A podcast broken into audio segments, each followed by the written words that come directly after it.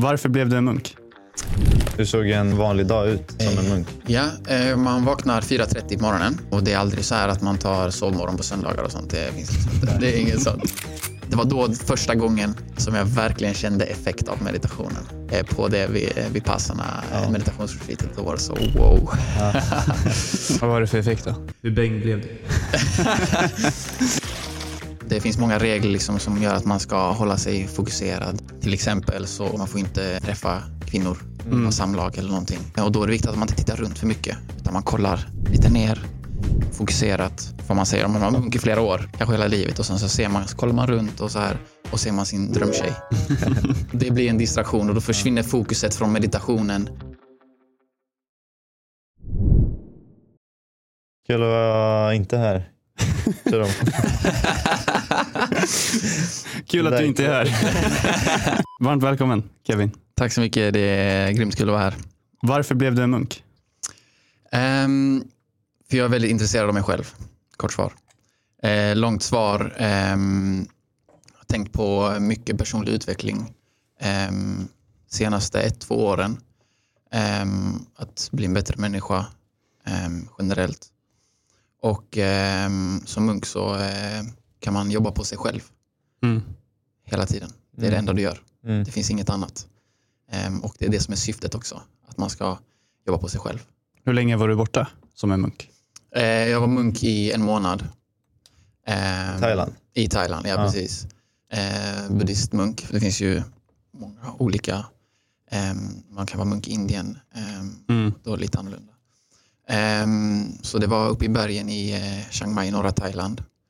Så jag var där en månad och mediterade och lärde mig om buddhismen och Eh, mer eller mindre om livet, eh, om glädje, lycka, eh, prioriteringar och så vidare. Nice. Du kallas ju Kevin Happiness. ja. det? Just det. det hörs på skrattet också. um, nej, men um, det är väl lite annorlunda um, syn på lycka mm. uh, man får mm. som munk. för det som vi ofta ser som glad eh, är väl kanske att man eh, har mycket saker ehm, eller att man ehm, gör många häftiga saker eller man mm. lever ett ehm, häftigt liv ja. Eh, där det händer mycket. Mm. kanske coola resor, fester, bilar, vad den kan vara. Mm. men som ung så är det motsatsen till det. det är liksom en regel att man, man ska liksom inte skratta för mycket, framförallt inte framför vanliga personer. Mm. Sen när man är... Jaha, på riktigt? Ja. Um, det finns många regler liksom som gör att man ska hålla sig fokuserad. Um, som jag tog med mig lite grann nu i, um, när man kommer tillbaka till Sverige. Mm. Uh, som man försökte hålla lite. Uh, men man märker också hur um, påverkad man blir runt omkring. Mm. till exempel så uh, man, har inte, man får inte träffa kvinnor som munk. Mm. Ha samlag eller någonting. Och då är det ju viktigt att när man är som ung så kan man också gå i stan eller kanske man får mat eh, eller resa om man ska kanske resa någonstans och undervisa meditation eller så. Ja. Och då är det viktigt att man inte tittar runt för mycket utan man kollar lite ner, fokuserat. Um, för man säger om man har munk i flera år, kanske hela livet och sen så ser man, så kollar man runt och så här och ser man sin drömtjej. Mm. då försvinner det blir en distraktion och då försvinner fokuset från meditationen Um, det kommer för mycket tankar, vänta, gör jag faktiskt rätt val i detta livet? Mm. Um, kanske ska jag, ska jag inte vara munk längre, ska jag gå tillbaka till ett vanligt liv? Ja. Um, Fick så du sådana tankar? Ja, det, precis. Ja. Alltså jag, när man var där i bergen och inte såg någonting, man var bara med sina munkbröder ja. Mm. och liksom eh, mediterade och ja. liksom så här, då eh, var det inga problem. Eh, men sen så när man kom tillbaka, liksom, det går inte. och vi är lyckliga i Sverige, vi, ja, kvinnor ser bra ut här. Liksom. um, så att eh, man märker verkligen att många av de här reglerna, eller mycket som man lärde sig, eh, det, det var någonting eh, som man förstod också. Mm. Det kan vara lite svårt att förstå, varför ska man inte skratta eller varför ska inte munken ha liksom uppe sin telefon och kolla TikTok och scrolla TikTok? Då, blir, då tänker de andra liksom, vänta, är den här munken verkligen eh, connecta till sig själv? Eh, har han ett stilla sinne? Mm. Eller eh, är han lite vilse eller liksom, eh, enkelt byte för och eh, snabbt nöje. Liksom. Ja. Ehm, så att det är många sådana grejer som man lägger märke till lite omedvetet eh, efteråt och som man verkligen känner skillnaden. När man var som ung så var det ganska lätt. Mm. Men sen när man kommer tillbaka då är det liksom då är det lite svårare. Mm. Liksom bara med att komma i tid till någonting eller att man måste passa saker, liksom passa tider till eh, buss, tåg, möte, alltihopa. Liksom. Man, man, börjar ju, man behöver ju tänka mer. Mm. Ja. Och det är ju så det är. Det är så det är. Mm. Ehm, men ehm, man märker eh, verkligen skillnaderna ehm, mellan det. Liksom. ja, jag kan tänka mig det. Mm. Hur såg en, en vanlig dag ut som en Eh, munk? Ja, eh, man vaknar 4.30 på morgonen. Och det är aldrig så här att man tar sovmorgon på söndagar och sånt. Det finns liksom inte. Det är inget sånt. Utan det är 4.30 varje dag. Och är man sjuk, ja, då är det kanske nästan ännu viktigare att man kommer upp så man kan meditera så man kan bli frisk. Mm. så att det är liksom inte, det är, det är hårda bud liksom. De, ser ju, de ser ju vila på ett annat sätt än, än vad vi gör, antar jag. Mm, precis, precis. Ja, exakt. Så som vi ser vila är egentligen ännu eh, mer utmattande kanske. Typ om man har jobbat hårt sen kan jag ta en TikTok-paus eller Exakt. eh, scrolla lite. Det blir bara ännu värre. Det är som att springa ett fem kilometers lopp eh, och så har man fem minuter paus. Ska man fortsätta med fem kilometer till? Mm. Ska man vila och dricka eller ska man gå och göra marklyft? Mm.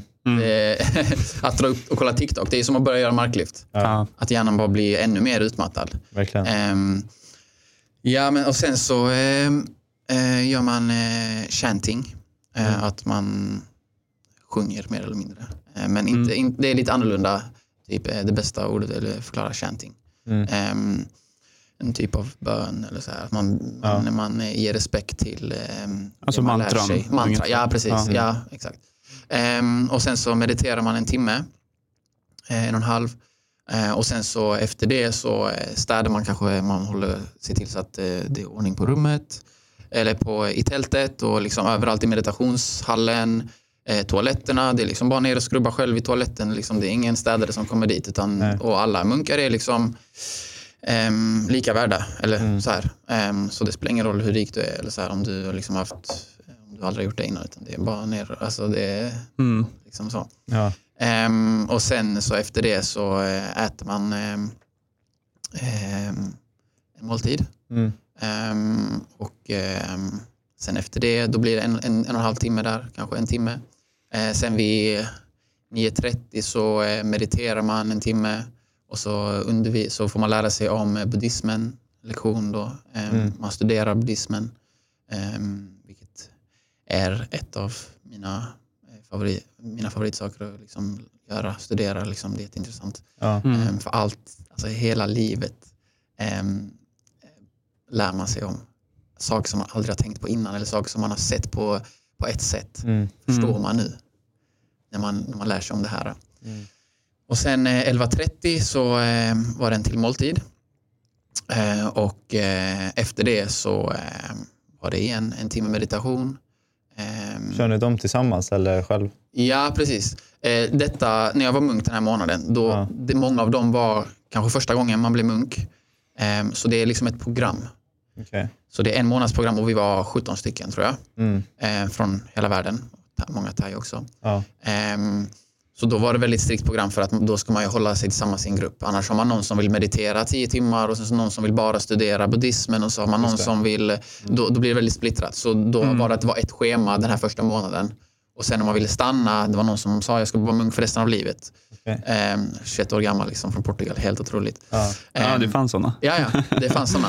Ja. Och sen så var det någon som bara, jag ska vara tre månader. Liksom. Mm. Och då var det efter det att då var det lite mer eh, att man kunde eh, göra det som man var lite mer intresserad av. Mm. Så det finns många saker man kan göra, men absolut inte res, eh, vad ska man säga, ehm, restrikterad till att göra en viss sak. Mm. Mm. Ehm, Du kan eh, studera eh, buddhismen väldigt djupt, kanske ta universitet, bli doktor i Mm. det. Ehm, Du kan undervisa meditation, åka världen runt och lära andra. Ehm, Man kan eh, också sitta i en skog och meditera 12 timmar om dagen Mm. och sova två timmar om natten liksom, om man vill det. Mm. Så det är väldigt så här brett. Ehm, så det är liksom en, det är intressant. Ehm, Men eh, ja, och sen så på kvällen då så, eller på eftermiddagen där så har man kanske en liten paus. Eh, Man kanske har lite tid för sig själv. Ja. Kanske vila lite eller så. Mm. Och sen så är det igen ytterligare en timme meditation och sen en timme till då när man lär sig Eh, buddhismen. Och sen så är det att gå och lägga sig runt nio, halv tio. Ja. Liksom. Hur, hur länge mediterar ni ungefär? Alltså? Ja, det var mellan, eh, mellan 30 minuter till en timme varje session. Liksom. Mm. Så då Okej. blir det ungefär 3-4 timmar per dag. Ja. Då. Ja. Ja. 3-4 timmar per dag. Och det. här är liksom nybörjarklassen? Ja, alltså nej, det är väl ändå, ehm, det är väldigt upp till vad man själv är också. Ja. Det var mång, eller någon som kanske inte hade mediterat så mycket innan Mm. och då sitter man, även om session är en timme, så sitter man kanske så länge som man är avslappnad med och liksom så länge som man kan. Ja. Kanske sitter man 15 minuter eller 20 minuter och sen känner man okej, jag behöver faktiskt ta en paus. Kan man kanske göra lite journaling eller skriva ner vad man tänker på eller Mm. gå ut och ta en liten promenad. Mm. Ta sin paus, sen kanske komma tillbaka och försöka sitta 10-15 minuter till. Så det är liksom verkligen inte så att man ska pusha eller så, utan det är liksom bara. Slappna av vad du än är i din, i din, praktis, i din meditationsresa. Ja. Det är Mm. okej. Ehm, så att ehm, sen så var det vissa som ville flytta, eh, sitta mer. Liksom. Man bara, fyra timmar är för lite, jag vill sitta liksom åtta. Mm. Um, sitter de uppe på- sent på kvällen liksom, och så vaknar Ja. de klockan tre och sitter en timme. Alltså, Så också. Ja. Ehm, så att ehm, det är verkligen inte så att man måste. Men eh, just i det här programmet då så är det i alla fall att man är där och gör sitt bästa. Liksom, så. Mm. Mm. Hur mycket hade du mediterat innan du åkte till Thailand och gjorde det? Fyra timmar om dagen, det är ändå mycket. Mm. Alltså jag började egentligen med meditation väldigt, väldigt smått, sex år sedan ungefär. Ehm, det var på grund av min fotbollskarriär. Jag hade lite tufft där och behövde fokusera mer när jag Mm. spelade. Ehm, och då var det liksom tre, fyra, fem minuter så här, som jag började med. Liksom. Ja. Ehm, och sen så senaste året, ett halvt år, så har det varit så 15 minuter om dagen. Eh, och sen så gjorde jag ett meditationsretreat också innan jag blev munk. Där man bara fokuserar på meditation. Liksom. Ja.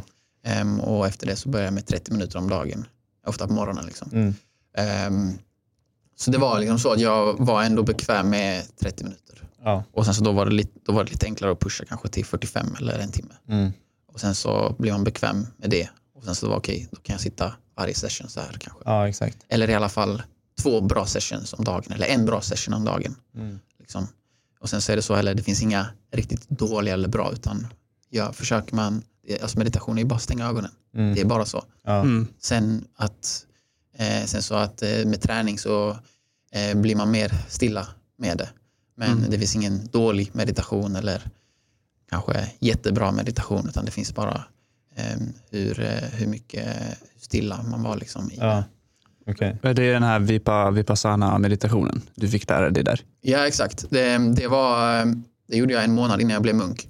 Eh, Och då var det sex timmar om dagen man mediterade. Ja, du har kört vipa, alltså retreat? Ja, jag, eh, meditationsretreat. Okej. Ehm, för då var jag fortfarande inte helt säker på om jag ville bli munk. Ja. Ehm, det var liksom någonting som var inom mig att jag var intresserad av att bli munk. Mm. Men jag var inte helt säker. Mm. Ehm, och då gjorde jag det här meditationsretreatet. Och då var det 30 minuters sessions. Um, gående. Och sen sitter man 30 minuter. Gå, sitt 30 minuter. Så, så det var väldigt bra för ehm, om man inte har mediterat så mycket innan. Mm. Mm. För att sitta ner kanske blir svårt men går man så Ja. kan man ändå, var det liksom fin utsikt och kan man ändå liksom försöka slappna av och Mm. bara gå. Ehm, och efter det, det var då första gången som jag verkligen kände effekt av meditationen. Eh, på det vid, vid passarna, Ja. ja. meditationsretreatet, då var det så wow. Ja. wow. Och då visste jag, okej jag, ska, jag ska bli munk, jag ska Mm. gå djupare i meditationen och allt det här. Ja. Vad var det för effekt då? Hur bäng blev du? Nej men eh, man har ju hört att folk pratar om liksom så här meditation, det är nästan som att man eh, eh, går in i en annan eh, medvetenhet och att man eh, blir lugn på ett annat sätt. Mm. Ehm, och jag hade mediterat 15-30 minuter så här och jag märkte effekten av att jag kanske blir lite mer fokuserad och så vidare. Mm. Men när jag mediterade så mycket och dessutom inte pratade, för det var ett silent retreat Mm. en vecka och då så släpper hjärnan massa tankar. Ja. För när man pratar så blir det att man hela tiden börjar fråga sig själv, okej vad sa jag nu? Eh, var, det, var det rätt det jag sa? Och så vidare. Så ju mer du pratar desto eh, svårare kanske det blir att meditera. Mm. Eh, men då så var man tyst och så mediterar man mycket Och eh, då märkte jag liksom att efter någon session så började jag se saker helt annorlunda. Ja. Alltså när jag bara gick ner till matsalen, det var på en alltså, otroligt fin eh, utsiktsplats. Så började jag se liksom blommorna på ett helt annat sätt. Jag har aldrig sett blommorna på det sättet. Mm. Jag har aldrig Mm. sett hur fina blommorna var. Eller börjat lukta på dem. Det är sånt som man inte ens tänker på. Nej. Jag började se hur fin, alltså kolla upp mot himlen, hur fint alltså, jorden är. Mm. Sådana saker som man absolut inte tänker på, som man bara går förbi. Ja. Och då känner man sig helt nöjd med det. Och man bara såg hur fint allt detta var och tänkte att det, det räcker med detta. Ja. Man behöver inget mer. Ehm, och man var fokuserad i det. Jag tänkte inte på något annat. Mm. Vad är det Så som du såg för första gången? det, var, det, var, Lite så. det var som att jag såg det för första gången. Exakt. Ja. Jag har aldrig alltså upplevt den känslan innan. Mm. Och det var en känsla av att man var fylld och att, äh, att man var nöjd. Ja. Och eh, att allting var bara så fint. Mm. Alltså det var, det var helt otroligt och det är väldigt svårt att beskriva. ehm, eller ja, kanske lite svårt att sätta sig in i det. Ehm, men ehm, det, var, ehm, det var verkligen någonting som ehm, fick mig att tänka djupare och att förstå att meditation är kanske det som gör en glad. Liksom. Mm. Meditation är eh, det som gör att man kan eh, känna sig eh, fylld inombords och nöjd. Ehm, även fast man eh, kanske har en bra karriär eller, eh, och så vidare. Mm. Ehm, så att det var en speciell känsla. Och den kan man, den har jag lärt mig att komma tillbaka till varje gång jag mediterar. Ja. Och det har jag lärt mig att försöka ta med mig under resten av dagen.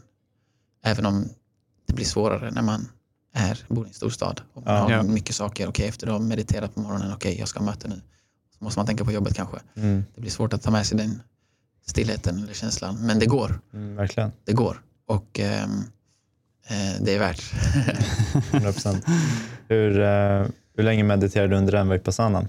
Ehm, ja, då var det sex timmar om dagen Ja. i sex dagar. Okej. Mm, Och så switchar man mellan gå och sitta? precis. Så det var 30 minuter sitta, 30 minuter gå, 30 minuter sitta. Och sen så kanske man hade någon annan aktivitet, kanske äta eller... Eh. Vissa är ju åtta timmar va? Ja, Eller? precis. Ja. Eh, så meditationen var, ja det finns massa olika vipassana. Ja. Det finns, jag tror 11 timmar också. Mm. Och sen så var det att, ja, alltså det, jag tror det är såna, och vissa Goenka-tradition, då är att du får inte ens röra dig. Riktigt? Så du skulle bara sitta i, alltså jag, jag, jag mediterar på en stol för jag har lite problem med mina knän. Ja. Ja. Så jag sitter rakt upp och ner liksom, på en stol och bara stänger ögonen. Liksom. Mm. Ehm, men eh, då i Goenka så får man inte ens röra sig, eller tanken är att man inte ska röra sig. Okej. Men det här är liksom, jag har också en väldigt avslappnad approach till meditation. Behöver man justera sin position eller behöver man ta en liten paus, dricka vatten, gå på toa, komma tillbaka, det är helt lugnt. Mm. Ehm, och där var det också att man började lära sig lite om buddhismen redan då, lite så ehm, lektioner om det. Ja. Mm. Ehm, så är man lite halvintresserad av, av meditation och av att lära sig mer om buddhismen så är en medita- ett meditationsretreat eller vipassana en bra idé att testa. Mm. Och det, Ja, det finns, finns olika nivåer så det är skönt. det finns jättemånga, du har kollat upp det kanske redan, det finns Ja, eh, lite grann. Ja. Ja. Goenka är ju typ grundare, eller är inte grundare, men det är ett, man har sett han på YouTube. Det är, mm, antar jag, det är, en, det är en snubbe på YouTube som pratar om det. mm, Eh, jag tror han heter Goenka, det är det det döps efter. mm. Eh, eller så. Eh, men, men de här nivåerna är ju, vissa är avancerade, okej då ska du kanske sitta som Buddha gjorde. du ska inte röra dig alls i typ 12 timmar, 12-13 timmar. Ehm, men din variant har jag inte hört förut, där du får röra dig. Eh, eller så här, jo, det, det har jag hört, så här, okay, du får justera dina ben, vissa tillåter att du får ha kuddar också. Eh, men jag har inte hört att du får till och med gå, eller att du får ens se utsidan av världen. Mm. Eh, de jag har hört så får du inte ens, alltså du är bara instängd basically i ett rum med en massa andra som mediterar och du får inte se världen utanför Mm. än tills du är klar i Mm. princip.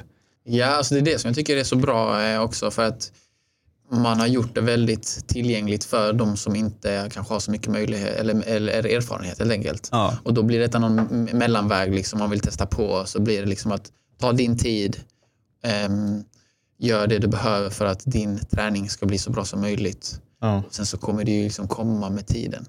Ehm, så att, eh, att inte sätta press på att det är liksom att man ska pusha sig själv för mycket eller att göra någonting som man inte är bekväm med. Då blir det ofta att då kanske man får en dålig upplevelse Mm. av sitt retreat kanske och Ja. det, då vill man kanske inte meditera mer. Exakt. Ehm, så att gående meditation, kombinera det med att kanske bara vara i naturen utan att lyssna på musik. Mm. Bara gå i naturen utan att lyssna på musik och bara kolla på träden, se, se runt omkring. Bara där är liksom första steget. Mm. Ja. Det är nästan som en meditation och sen så efter det så kan man kanske bara gå, göra gående meditation eller bara stänga ögonen för tre minuter och bara lyssna på, på det som händer runt omkring. Så att ehm, det, det finns liksom många trappsteg eh, man kan ta. Mm. Ehm, och sen finns det retreat som är liksom där jag var. Det fanns två, två nätters retreat. Liksom. Då mediterar man eh, en halv dag, eller någon timme första halva dagen. Sen så den andra dagen är det kanske fem, sex timmar. Och sen så Ja. den tredje dagen så är det en halv dag och sen så åker man hem. Mm. Alltså det är ju hur bra som helst om man vill testa på. Ja. Ja, så är det exakt. så varje, första helgen varje månad. Mm. Så kan man göra det om man vill testa på. Det, är liksom... Det var här i Sverige du körde? Nej, det, det, det var i Thailand. Det var i Thailand. Okej, det var i Thailand. Mm, det var i Thailand. I, på eh, Koh Samui, en ö där nere i södra Thailand. Ah, okej. Ehm, och många där som jag mötte på den veckan som jag var, Mm. de har aldrig mediterat förut. Nej. De var nere ute och reste och de vill testa på något nytt. Mm. Okej, jag, jag har hört om silent retreat, man får inte prata, man mediterar, man lär sig. Okej, testa på det. Mm. Sen var det vissa som drog efter två, tre dagar och bara klarade inte av det. Ja, vissa får ju psykos har jag hört. det, det, alltså det kan vara så att man Ja. ska heller inte liksom eh, tänka att, eh, alltså, att det kan, ja, alltså jag, jag, jag tror ju att meditation kan lösa allt. Ja. Ja, ja. Ehm, och när jag, när jag menar att det kan lösa allt så menar jag att man ändrar sitt egna perspektiv på saker. Ehm, men att komma dit och kanske har ehm, svårigheter eller kanske man har mycket trauma eh, och så, då kanske man behöver hjälp av någon munk som har mediterat i flera år. Mm. Liksom, eller, eller kanske gå till psykolog här hemma. Så det är liksom inte så att man kan tro att tre minuter kanske kommer lösa allt direkt. Nej. Men att eh, det är liksom en början på, eh, på en bra väg. Mm. Om man säger så. Mm. Det, det, så är det. Jag har hört att vissa får ju, eh, eller vissa så här center, de brukar förvarna innan allting börjar. Jag vet inte om de gjorde det för era, men de brukar förvarna typ så här, ah, den tredje dagen så kommer du nog få panik kanske och du kommer tro att det är någonting har hänt med dina föräldrar och du måste hem. Mm. Ja, Som att eh, för, för ens ego börjar liksom spela spel på en och då är det så här, man får en känsla av att så här, saker och ting börjar falla isär. Eh, och så klänger man sig på typ familj eller någon annan historia. Jag vet inte om de... ja, det de pratar om är att man ska inte förvänta sig någonting. För det är förväntningarna som eh, skapar eh, lite vad ska man säga, lidande. Mm. Ehm, och sen så blir man missnöjd när, man, när det inte blir som man har förväntat sig. Mm. Ehm, och går man dit och tror att meditationen ska lösa allting blir det som att du söker efter någonting som ska lösa det åt dig. Ja. Istället för att du bara accepterar att det är kanske som det är. Mm. Och det är det man förstår när man kanske går djupare i meditationen. Men försöker man leta efter någonting så kommer det inte komma. Nej, exakt. Vill man ha någonting snabbt kommer det långsamt. Mm. Så är det. Ja. Men Paradoxen. man av, ja, exakt. Men Ja. slappnar man av och bara låter allting vara som det är, då kommer det komma snabbt. Mm. Verkligen. Ja, men för det är ju det om du har eh, förväntning eh, på att, så som du sa, eh, att det ska vara en, fix. Mm. Eh, och en sån människa kanske går runt med den inställningen hela livet. Egentligen, ah, jag ska ta den här substansen och det ska fixa det. Det är min förväntning på det. Eh, så det blir en automatisk grej att okej, men om jag går och mediterar nu så kommer det lösa det här åt mig. Eh, och det blir enkelt. Men det du menar är att det är inte så det funkar utan du ska acceptera det istället för att försöka lösa det. Mm. Utan bara acceptera att det är så. Är det så du menar? Precis. För då, då ändrar du eh, syn på problemet. Mm. Alltså det är lite så, har du ett problem, löser du det? Okej, du kan lösa det, då gör du det. Kan du inte lösa det, då är det heller inget problem längre. För då har du ändrat syn på det, men går du runt och tänker på att jag kan inte lösa det, kan inte lösa det, kan inte lösa det, då blir det ju ett jättestort problem. Bara Mm. det i sig, bara för att du själv har inte rätt syn på saken. Ja. Men eh, när man låter allting vara som det var och gör sitt bästa för att eh, lösa problemet eller gör sitt bästa för att bli så bra som möjligt, då räcker det. Mm. Och sen så kan man acceptera utfallet av det. Ja. Istället för att tänka jag borde gjort så, jag borde gjort på ett annat sätt. Ehm, för då tar det energi från det, som, det resultatet du får, Mm. vilket man kan vara nöjd med. Ehm, För problem kommer ju inte försvinna. Så mm, det kommer alltid vara där. Så lika gärna mm. bli bra på att acceptera dem. Ja, alltså vi i Sverige skulle man kunna säga har väldigt lite problem. Mm. Och det har gjort att vi får jättemycket problem. att vi skapar, skapar våra egna problem kanske. Ja. Ehm, men eh, man pratar mycket om lidande inom buddhismen. Mm. Ehm, och Buddha säger att livet i sig är lidande. Så fort du föds så gråter du. Du vill ha någonting, någon som eh, kramar om dig. Du vill hela tiden ha, när du är hungrig så gråter du. Ja, men vad händer om du inte får någon mat då? Alltså, För det är ju livet. Ja. Eller det är ju, det är ju så. Mm. Ja. Ehm, sen har inte jag, jag tycker inte att livet är lidande. Jag tycker livet är jätte, jättefint. Mm. Och att man bara ska utnyttja det och leva det på det djupaste sättet man bara kan. Och Ja. vara tacksam över det. Ja. Över de här åren man får. Ehm, sen så förr eller senare så Bra att du ifrågasätter Buddha. Ja, Ja, ja alltså jag, är- jag är öppen, öppensinnad, men jag är alltid kritisk och försöker ha min egna ehm, syn på saker och uppfattning av vad som är Det som är leva sant livet för till dig. fullo. Liksom. Det som är sant för mig. Jag tror det är det han vill också. Precis, det är det de säger. Eller det är det han säger. Eh, Ta det som du vill av, min, av det jag undervisar Ja. Ja. och applicera det till ditt liv. Och sen en dag, våra föräldrar kommer dö. 100 procent. Mm. Vi kommer dö. Om vi får barn kommer våra barn se oss dö. Mm. Det är lidande. Mm. Så att istället se livet som fint och veta att det kommer ske kanske någonting som kommer vara jobbigt. Mm. Men det är okej för det är en del av det. Jag ska inte förvänta mig någonting. Och jag kommer ta tag i det på bästa möjliga sätt. Och försöka släppa det och förstå att det kommer hända, men det är okej. Mm. Det kommer hända mig, det kommer hända dina barn när de får barn. Det är liksom bara så det är. Och sen som allting däremellan. Mm. Och det jag menar med att vi i Sverige är väldigt lyckliga är att vi har mat, universitet, skola, sjukvård. Bara det har inte många. Och de upplever lidande, alltså riktigt lidande. De har inte mat, man svälter. Man ser sina barn bli tagna till eh, Mm. armén och så, så blir de dödade i onödiga krig. Japp. Och så vidare och så vidare. Ja. Så det ser inte vi. Det har vi väldigt svårt att förstå. Men det förstår vi senare när våra föräldrar dör eller vår bror eller syster går bort. Mm. Alltså, jag hörde ett bra, en bra quote. Var inte rädd för döden, för döden är helt säker. Ingenting kan hända. Mm. Det finns inget dåligt som kan hända.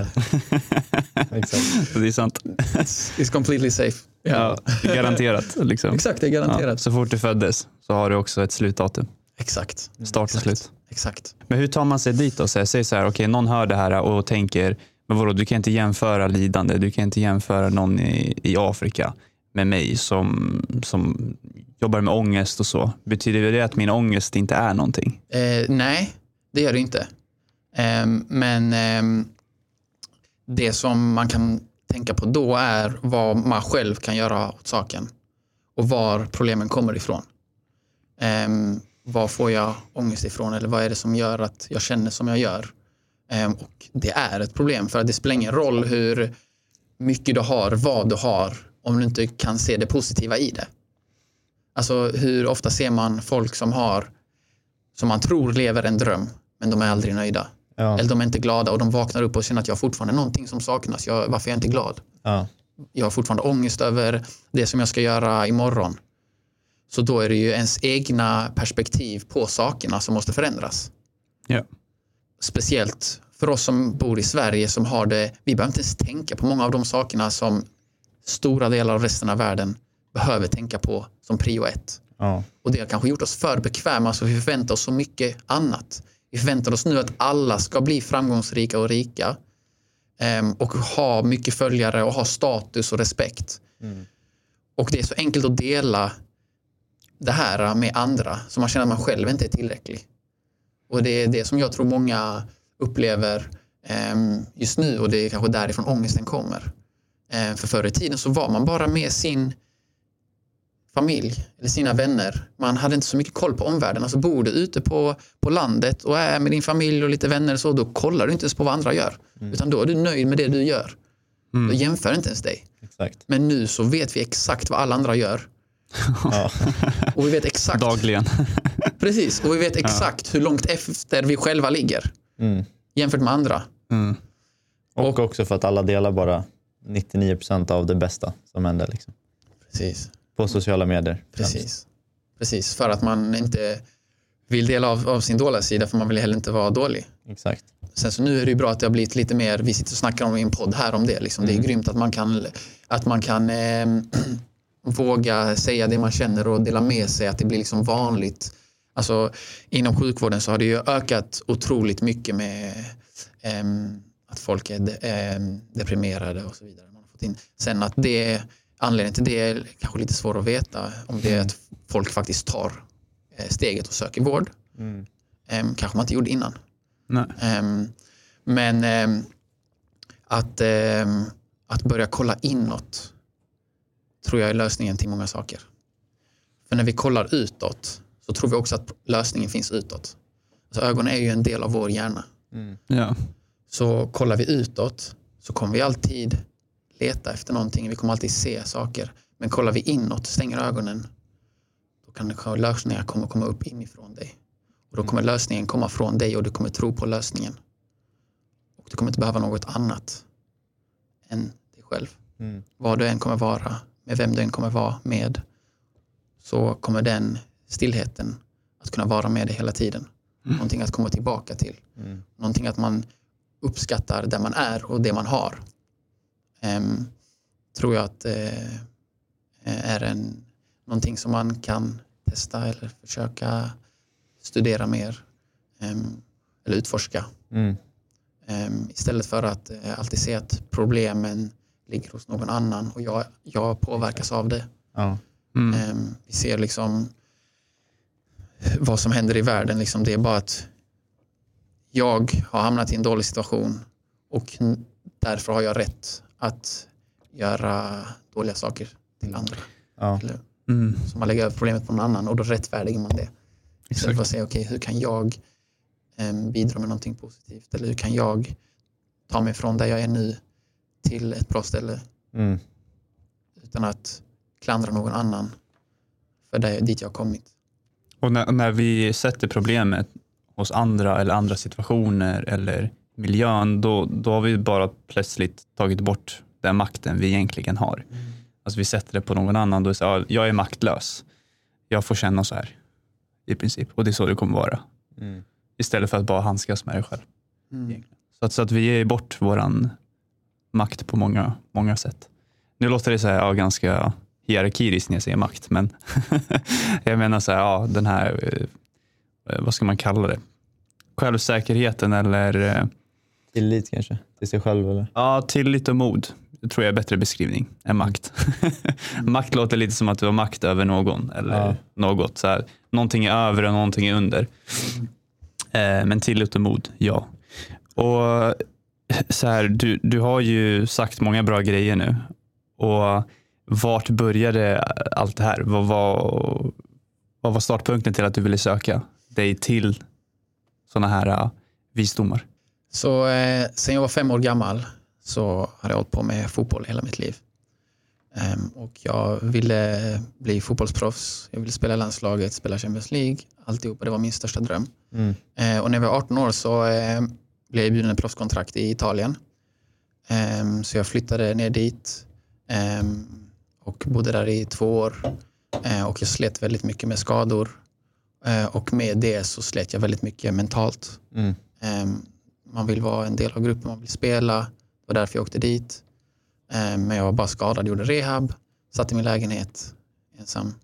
Och det var inte alls det jag hade tänkt mig eller det jag ville. Mm. Och sen så fick jag reda på att jag hade behövt göra sex operationer för att fortsätta min karriär. Jag hade så mycket problem. Sex fötter. operation. Sex operationer. Så hela mina, mina ben har växt snett helt enkelt. Uh, Mm. Sen jag var tio år för jag har platta fötter. Ja. Ehm, och det har blivit värre desto äldre man blir. Desto mer man växer desto snedare blir det ju. Mm. Ehm, och när jag insåg att jag måste lägga skorna på hyllan så frågade jag mig själv, okej men vad är meningen med livet nu? Mm. Vad ska jag göra om dagarna? Vad, ska jag hitta någon ny passion eller ska jag liksom bara sitta och rulla tummarna? Mm. Och då var du 18? Nej, då var jag 21. Rätt? Ja, Okej. 21, 22 Ja. ungefär. hur gammal är du nu förresten? 24. 24, okej. Mm. Ehm, och ehm, då var det så att jag fick bara liksom ehm, ställa mig upp och ta tag i saker och jag började plugga upp mina betyg. Jag hoppade av gymnasiet när jag flyttade. Plugga upp betygen, kom in på universitetet i Lund, plugga allting superbra. Vad pluggar du? Service management. Okej. Ehm, så det är ledarskap med blandat med ekonomi och, och så vidare. Så det var en helt okej, intressant utbildning. Liksom. Ja. Ehm, men efter ett och Du ett låter mer intresserad av buddhistiska utbildningar. Efter ett halvt år så, eh, av studentlivet, då, ett halvt år av studentlivet mer eller mindre. Vet hur det är, man pluggar, man träffar folk, man går och festar, nationer hit, klubbar dit. Ja. Ehm, men det var någonting som saknades. Liksom. Det var, jag visste att det inte var rätt. Och, ehm, Bara, bara innan du går vidare, hur mycket festar man i Lund? Ja, men det är nog en bra skala där som är ganska stor. Liksom. Ehm, man kan festa en gång i månaden, en gång i veckan. Där var jag kanske någonstans en gång i veckan, så på fredagen eller lördagen. Att man Ja. gick ut liksom så, inte mer än så. Ah, okej. Sen så vet jag att det är liksom de som när det är valborg, då är det typ en vecka i sträck. Alltså. eller två, tre gånger i veckan liksom är vanligt. Jag tror två, tre gånger är alltså vanligt Ja. i studentlivet. Det det Alltså i. Lund. Två, tre gånger är vanligt, definitivt. Fredag, lördag och sen så Shit. lillördagen på onsdag. Alltså typ så. Ja. Det är jättevanligt. Sen som är det, alltså folk blir utbrända efter ett par år. Ja. I början så är det ju det bästa man vet. Alltså, jag ska inte ljuga. Det var, Det var det ju för dig också. riktigt fett såklart. I början var det ju, alltså man går dit med sin vän, eh, med sina vänner och liksom man tänker att man lever life. Ja, Alltså, jag tror alla, eller många är där Ja. någon gång. Eller har varit där någon gång. Ja. Kanske kommer komma dit någon gång. Det handlar bara om hur... Eh, alltså jag rekommenderar inte jag, alltså, börja festa. Liksom. Nej. jag Nej. missar ingenting, jag lovar. Mm. ja. Oroa inte att man missar någonting eller att man känner FOMO. Eller så. Gör inte det. Ta det istället som att du har möjlighet att, upp, att eh, utforska något annat med din tid. Mm. Som är mer värdefullt för dig, som kommer göra dig glad på lång sikt. Verkligen. Som att starta en podd eller göra sin egna online-business och umgås med den kretsen som ger positiv effekt på ditt liv. Träffade du eh, Solarium-killen? Nej? Eller vad är det? Vi var på ett gym här i Stockholm och så var det en kille i omklädningsrummet som David började snacka med. Så Okej. Han hade tydligen pluggat i Lund och Alltså? han hade bott i ett solarie. Alltså han hade sovit i en solarie. Liksom. Han hade inte den på. Jag trodde först att han hade den på hela tiden. Eh, Men sen verkade det, han hade ju den avstängd. Men han brukade sola där. Men han sa att han solade kanske typ en gång i månaden. Ja, alltså han Alltså, hade ett rum och så sov han där. Liksom. Ja, Och så var han- han- podcasten så kan det, bli, det kommer gå viral. Ja, det kommer Faktiskt. Men han, hade en, han visade en nyhetsartikel. det. Alltså det var, det var så här Lunds eh, nyheter eller något. Som hade en bild på honom och så hade han så här glajjor och bara äh, tja, så var det typ, så här någon, typ någon groggflaska bredvid eller något. Men han sa att eh, Lund, eh, eh, folk går dit och så blir man alkoholist tills man kommer tillbaka. Just det. Lund är ett av de ehm, ställena som absolut det finns mycket att festa och göra. Så. Men eh, så då hade jag ju liksom, då förstod jag då efter ett tag att det var liksom inte det rätta, liksom, det rätta livet, det var inte den lyckan. Det blev liksom tråkigare och tråkigare och man kände sig sämre och sämre. Man, man upplevde eh, mindre av det vanliga livet. Liksom. Det blir så när man eh, har festat så dagen efter, två dagar efter så mår man inte på topp. Och så kanske äter man något dåligt och då blir det dåliga vanor liksom som en ond spiral, dominoeffekt som liksom på och sen så vill man ha något, något nytt och så då går man och festar igen liksom, och sen så Ja. fortsätter det så. Så är det bara liksom några timmar i veckan man mår på topp. Mm. vad, säger, vad, kan jag, vad, vad, vad säger du om jag säger att du kan må på topp hela resten av livet? Mm. Ja. Inte bara några timmar Mm. i veckan. Liksom. Alla hade tagit det, men det krävs jobb. Det krävs, exakt. Det är simpelt men inte enkelt. Mm. Verkligen. Så då ehm, tänkte jag, okej, min syster var i Thailand då också. Ehm, och så tänkte jag, okej, jag vill ut och resa, jag hoppar av utbildningen. Ehm, och eh, sålde min lägenhet, sålde alla värdefulla saker jag har, hade och eh, bara eh, Du gick all in liksom. gick all in, testade vingarna liksom. Ja. Ehm, och då, ehm, gjorde jag en, ja, då kom jag till Thailand. Började med yoga, för yoga var en sån mellan, eh, jag, jag hade redan funderat på att bli munk då. Liksom. Mm. Eh, men jag tänkte att jag, alltså, kommer jag säga till mina föräldrar att jag ska bli munk? Liksom, jag, jag är ju nyfiken på hur den tanken, vart den kom ifrån. Var det så att du kände att du var så jävla trött på det här festandet och må dåligt? Alltså, vem fick du det av också? Det är också Mm. så såg du någonting eller såg du en munk gå, gå, gå på gatan barfota? Liksom? Det är väl att jag är väldigt nyfiken på saker. Ja. Och då så, redan då när jag slutade festa och så där på universitetet så började jag ägna mig mer åt personlig utveckling. Mm. Så här, trä, jag har alltid tränat, men jag tränar mer. Um, vara mer i naturen, liksom spendera mer tid. Så läsa böcker om hur jag själv kan lära mig att bli bättre och uppnå mina egna mål. Mm. Ehm, och då var det mycket så att jag kanske ville bli framgångsrik, typ, Ja. kanske rik. Eller så här. Ja. Så läste man mycket sådana böcker, hur man ska nå sina mål och vilken livsstil man ska ha. Och det var också en stor anledning till varför jag slutade festa. Mm. Alltså så mycket mer tid, får ju 30% mer tid av att jobba på dina mål. Mm. Om det är, nu är det som du tror att du kommer bli glad av, Mm. vilket man kan också prata om. Mm. Ehm, men ehm, så då var jag med på den vägen, personlig utveckling. Och då så hamnar man, eh, att man läste, äh, hamnar man på ehm, någon hemsida eller läste någon bok som en munk hade skrivit. Liksom. Mm. Som heter Lev livet. Fullt ut? Nej, Nej. Det, nej, nej, det är inte den. Eh, det- Ja, men den har jag def- bland annat Ja, läst. jag blandar ihop det. Det är han med, vad heter han? Det är Eckart. Ja, jag vet. The power of now. Ja, exakt, jag menar inte den. Det är ju en eh, svensk kille som berättar om att han blev munk, som var framgångsrik. Och sånt där. Björn. det också. Nej. Nej, äh, ja, precis. Det är, eh, jag kan ha fel. Ja, Jag kan ha fel. Ja. Björn eh, var det den du läste?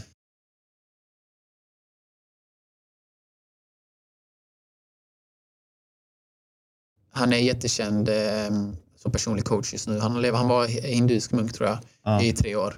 Och han eh, delar jättemycket av sitt liv och sin eh, filosofi och så. Och det var där jag kom in på att kanske ska bli munk. Mm, Jag okej. liksom var lite intresserad av det så började jag söka upp lite. Eller vad innebär det? Vad munk? Vad gör man? Ja. Vad är syftet?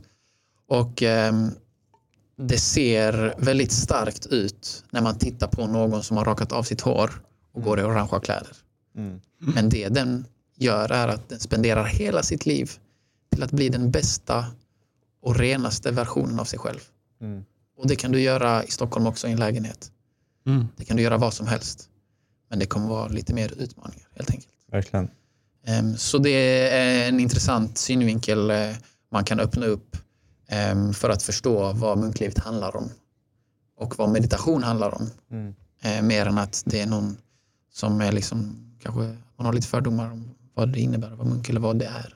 Ja. Vilket är förståeligt, det, det, det har man ju.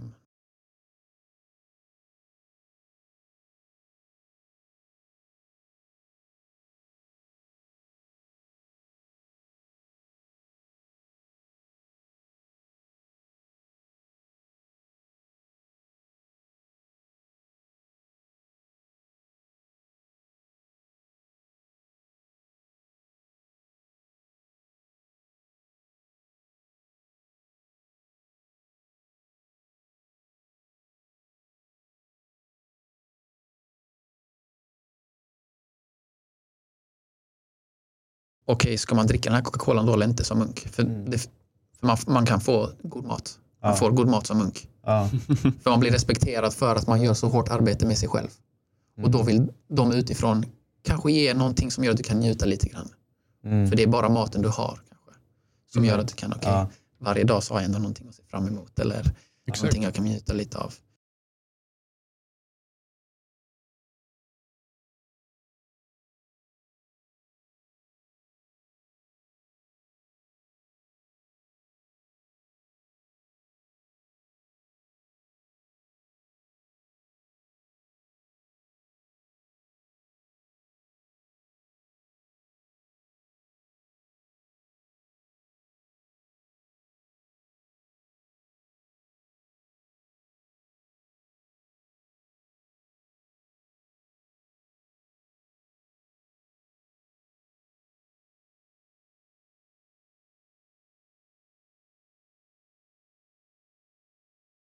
Ska man göra det eller inte? Okej, men nu måste man kanske använda sociala medier för att nå ut till folk. Mm. För att dela det man vet. Ja. Okej, Ska munkar ehm, ehm, röka? Nej, jag tycker inte det. Nej. Man får absolut inte dricka alkohol. Sen så finns det vissa munkar som säger nej men jag gör bara det jag blir glad av. Mm. Eller jag, ehm, det står inte exakt det här. Så då kan jag tänja på gränserna. Det står du får inte röka. Det står kanske gör inte det som du vet skadar dig. Mm, Typ, okej. alltså kanske något liknande så, så kan man vrä, vrä, alltså förvränga det lite. Mm. Och ehm, jag tycker det är liksom, det är bara en, en enkel väg ut om man vill bli munk och sen så lever ett liv där man röker och där man äter kaka varje dag och dricker. Coca-Cola och ehm, äter onyttigt. Mm, Och, ehm, bara för att det är liksom enkelt. mm, Ehm, men alla har sin egna väg. mm. Och eh, med tiden så kanske den personen kommer eh, förändras eller se saker på annat sätt. Ja. Ehm, och eh, som ung själv så ska du inte döma andra. Liksom, utan det är så här, fokusera bara på dig själv. Var tillgänglig för andra som kanske vill ha din hjälp eller dina råd.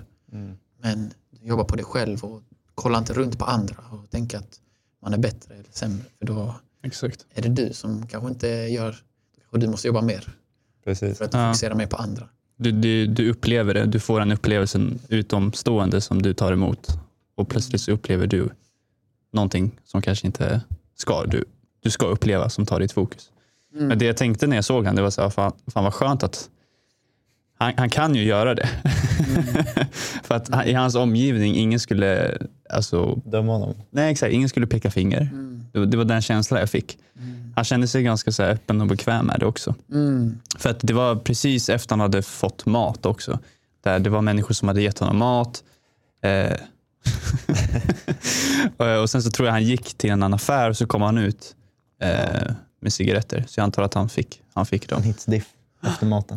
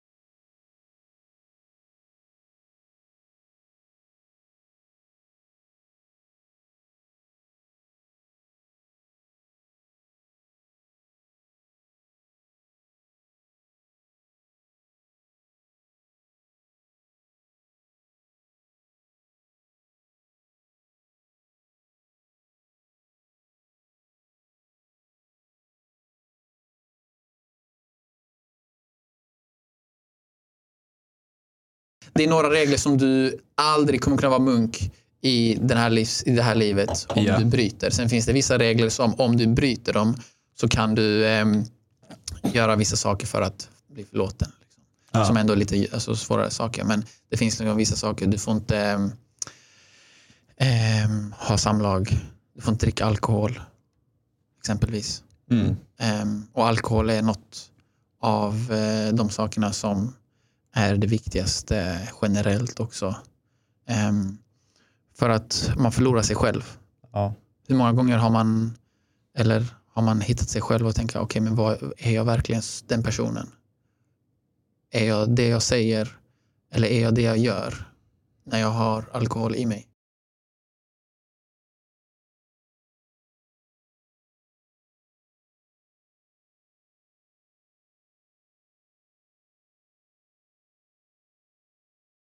Det, det känns som att den blir det också, alltså av, av alkohol i sig. Ja. Eh, för mig var det så att jag såg alkohol som, även om man behåller det till ett eller två glas, då är det så okej, nu gör jag en handling som säger att jag kan inte ha roligt utan det här. Eller jag kan inte vara avslappnad utan det här. Att jag måste, jag måste ha den här, den här dricken. Jag måste dricka det för att uppleva XYZ. Eh, Och då började jag inse att nej men det är inte sant. Vadå, jag ska ju kunna slappna av utan det här. Jag ska ju kunna ha roligt. Jag ska ju kunna våga dansa utan, utan substanser. Mm. Liksom ett liv utan det, det är mycket roligare. Exakt. Ehm, nej men du, du är munkig. Ja, det är grymt. Ehm, vi kan, det du pratar om där eh, är väldigt intressant att gå in på också. Man börjar våga dansa utan alkohol. Man börjar våga prata med andra utan alkohol. Mm. Med, med tjejer, med kanske personer som kan hjälpa din business eller, Mm. och så vidare.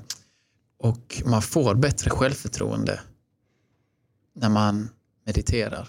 Mm. Du får också bättre självförtroende när man slutar dricka. Ja. För att du blir med dig själv. Så Exakt. människorna runt omkring dig kommer uppskatta dig för den du är. Inte för någon du försöker vara. Mm.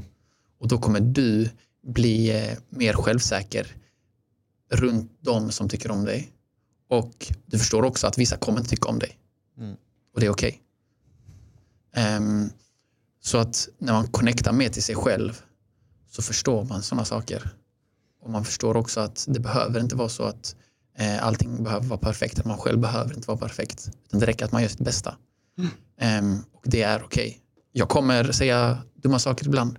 Mm. Jag kommer eh, tabba mig med vissa saker. Men det är approachen jag har till det som jag gör som spelar någon roll. Kommer jag gå och göra samma tabbe eller säga samma sak dag ut och dag in, då hjälper det inte mig någonting. Men ser jag okej, jag gjorde detta fel, ska jag göra samma fel nästa gång? Nej, jag ska tänka på det till nästa gång. Mm.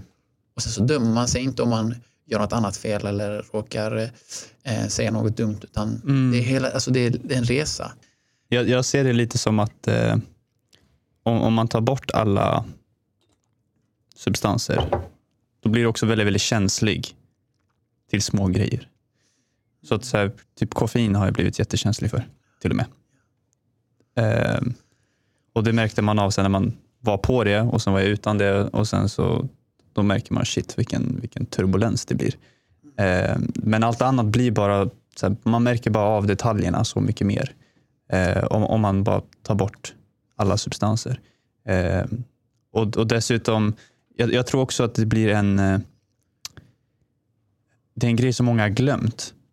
Så här, när du var barn, när du var typ 13, 14, då, då kunde du gå på barnkalas utan, utan social ångest. Alltså du, Ja, det är så att man tog en shot innan. Exakt, du, du, du var på massa barnkalas och var jättesocial och sprallig. Majoriteten av, av barnen, nu, nu kanske inte alla är så, men majoriteten av, eh, av oss när vi var barn, vi, vi kunde gå på barnkalas utan problem. Liksom. Eh, prata med, med tjejer också, det var, det var inte jättestort problem heller. Eh, sen så kommer det i, i miljön när man är 15-16, okej nu ska vi dricka. Eh, och så börjar alla, alla dricka i princip. Och det som händer är att om du inte dricker, då är du utanför. Basically. Och de dömer dig, så du dömer dig själv. Eh, och, och även om du skulle vara nykter, det är så här, det, det, konversationerna som man har, speciellt om man är typ 16 och riktigt packad, det är inte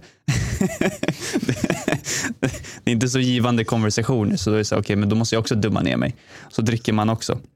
Egentligen. Och så, och så är det bara en sån cykel typ tills man kanske är 20-21. Alkohol förstör ditt minne också. Så du kanske har ett, en projektion av hur du var när du var ett barn. Men just den känslan kanske är borta. Den här känslan av att så här, jo, men jag har det här eh, känslan jag kan gå tillbaka till. Jag vet hur det kändes i den här perioden. Eh, hur min upplevelse var i livet då, när jag var 13-12. Men jag tror det försvinner också eftersom det är så lång period av att du dricker typ nästan varje helg. Och då, då har du glömt bort liksom den delen av, av dig själv och då ser man inte en utväg utan det är så här, ja, eh, för att ha kul, det måste, då måste jag dricka Mm. egentligen. Ja, Det blir en vardag. Alltså det blir en standard. Mm. Det blir en vana. Och det var ju som du sa också att desto renare man blir inombords, desto mindre dåliga saker du gör, desto mer kan du känna och eh, förstå när du gör någonting dåligt för dig själv. Mm. Till exempel alltså koffein är det enklaste man kan eh, eh, ta exempel. Eller om man inte har druckit alkohol på väldigt länge. Mm. Eller kanske första gången, då blir du påverkad väldigt snabbt. Ja. Men när du dricker varje dag så måste du dricka mer för att bli påverkad. Samma sak med koffein. Om du inte konsumerar koffein så kommer du bli påverkad av det väldigt enkelt. Mm. Men dricker du alltid koffein, då behöver du koffeinet bara för att komma upp till normal nivå. Exakt. Mm. Så du drar ner dig själv genom, genom att ehm, den här vanan då. Mm. Och sen tar det bara upp dig till din normala nivå så går man så istället för att bara vara här uppe hela tiden utan koffeinet. Ja. Ehm, och så det märker jag också med min meditation. Ehm, desto mer jag mediterar och desto lugnare man blir, desto mer märker man av stress. Desto mer Mm. märker man av dålig energi. Mm. Men du hanterar det på bättre sätt. Ja. Men du märker fortfarande av det. Ehm, och så är det med många saker i livet. Alltså, desto, mer, desto bättre eh, man blir, ehm, desto mer eh, märker man eh, när eh, de negativa sakerna sker. Liksom. Mm. Ehm, så att... ehm, man- Precis, och jag vill bara påpeka att sådana saker händer fortfarande. Negativa saker kommer hända, men eh, om man vet, som du har lärt dig och som vi alla har lärt oss egentligen, typ så att du, du vet den här utgångspunkten när det händer och du kan märka av det vid den stunden. Det, det är superviktigt. För om du missar det så bara radas det upp på flera rader och plötsligt har du typ så här 16 olika grejer som får dig att må dåligt. Mm. Och det är så här, varför mår jag dåligt? Ja, det, det är mycket att gräva på. Mm. Eh, men om du märker av det när det börjar, då är det så mycket enklare. Du kan du bara fixa det direkt Mm. egentligen. Det är så, okej, men då ska jag inte göra det här längre. Exakt. Och när, det, när, när du blir renare och när du blir bättre, då kommer du också märka av exakt vilka saker det är som gör att du känner dig dålig. Eller att du får ångest. Mm. Eller att du Ja. känner dig deprimerad eller vad det nu är. Ja. Och då kan du mycket lättare specificera och ta bort det. Mm. Eller se det på en annan eh, sak. Eller på ett annat synsätt. Mm. Precis. Vet du om att det är alkoholen som gör att du känner dig dålig? Eller eh, är det något annat? Kanske har du eh, jobbiga förhållanden med din flickvän eller pojkvän eller dina vänner. Em, eller en kombination av allt. Så du har så många dåliga saker som pågår runt omkring dig så du vet inte ens var du ska börja. Exakt. Så det slutar det med att du bara försöker kolla bort. Ja. Em, Mm. Då blir det ju liksom svårare. Ja. Då behöver man kanske göra någon större förändring. Liksom. Mm. Ehm, så att, ehm, att förstå och vara medveten, mindfulness, av vad det är man gör och det påverkar mig. Mm. Dricker man Coca-Cola varje dag och äter godis så tänker man "Va- varför, varför är jag tjock? Liksom? Alltså, jag fattar inte. Ja. Vet jag om vad den här Coca-Colan vad, vad den gör med min kropp och med min hjärna? Ja. Vilka behov jag kommer få av att dricka? Vet jag om att jag kommer vilja ha den här imorgon igen? Mm. Eller är det liksom bara en gång? Okej, man njuter av en Coca-Cola med sina vänner. Liksom. Det är helt okej. Det Ja. kan man göra. Liksom. Så länge man är medveten om vad som kommer hända och vad den gör med det. Mm. Exakt. Ehm, men ofta är man inte det. Man är inte så medveten om man scrollar, scrollar bort 30 minuter på luren, lägger sig och kollar på tv och sen tänker man, "Ah, jag, varför, alltså, jag, varför, jag känner mig så stressad, jag, mina läxor är inte gjorda. Mm. Jag har inte tid. Exakt. Ja. Du vet inte ens vad du lägger din tid på. Nej. Ehm, så medvetenheten och för att börja ställa sig själv de frågorna Mm. och inte fråga någon annan. Eller få hjälp av någon annan att ställa de frågorna till sig själv. Mm. För ofta är det så att man, man hittar de bästa svaren och du accepterar ofta svaren bättre när den kommer från dig själv. Ja. Än att någon ska säga till dig vad du ska göra. Då kanske det blir att man trillar tillbaka på en dålig vana efter ett tag. För så har det varit hela ens liv. Folk har sagt åt dig vad du ska göra. Så Precis. det är mycket bättre att bara ta reda på saker själv. Mm. Och börja lita på det framför allt. Men eh, jag tänker för att avrunda då, om du kan ge, vad, vad är det bästa tipset för någon som aldrig har mediterat? Skulle du säga, om man vill börja. Det bästa tipset är att eh, ladda ner mindfulness-appen. Det finns meditationer på tre minuter, fem minuter eller hur, mycket, hur långt man vill. Ehm, och göra tre minuter om dagen. Tre minuter om dagen på morgonen. Det är en låg ribba. Det är en låg ribba. Och varje dag. Inte att man gör 30 minuter på söndagen och sen så ska man samla ihop det under veckan och så gör man 30, utan varje dag tre minuter. Gör det till en vana. Mm. När du känner dig bekväm med tre minuter, fem minuter. När du är bekväm med fem minuter, åtta minuter eller sju minuter. Mm. Eller sitt så länge du känner dig bekväm med. Men att du bestämmer dig för att göra tre minuter och då gör man det tre minuter. Du kollar inte på klockan. Vad som än kommer upp i din hjärna att du måste göra, låt det vara Mm. i tre minuter. Helst på morgonen eller kanske när man går och lägger sig eller mitt på dagen. Men eh, var eh, medveten och gör det varje dag. Mm. Det är mitt bästa tips. Och sen så testa mer och mer och mer. Ehm, och ehm, ja, döm inte dig själv. Om du missar någon dag, okej, jag missade en dag, men idag ska jag göra det. Mm. Jag har för många tankar, jag kan inte sitta tre minuter. Okej, men det är precis detta meditation handlar om. Att bara titta på dina tankar Mm. och koppla från att du är dina tankar. Eh, Så det är bästa tipset. Nice, bra tips. kommer vara givande. Mm. Så alla som lyssnar, det var en låg ribba. Tre minuter om dagen. Och höj ribban desto mer du gör. Ja. Exakt, exakt. Så om ni har inte mediterat förut, eh, börja med tre minuter. Yes. Tusen tack Kevin. Tusen Tack så mycket. Kevin. Tack så mycket. Tack så mycket.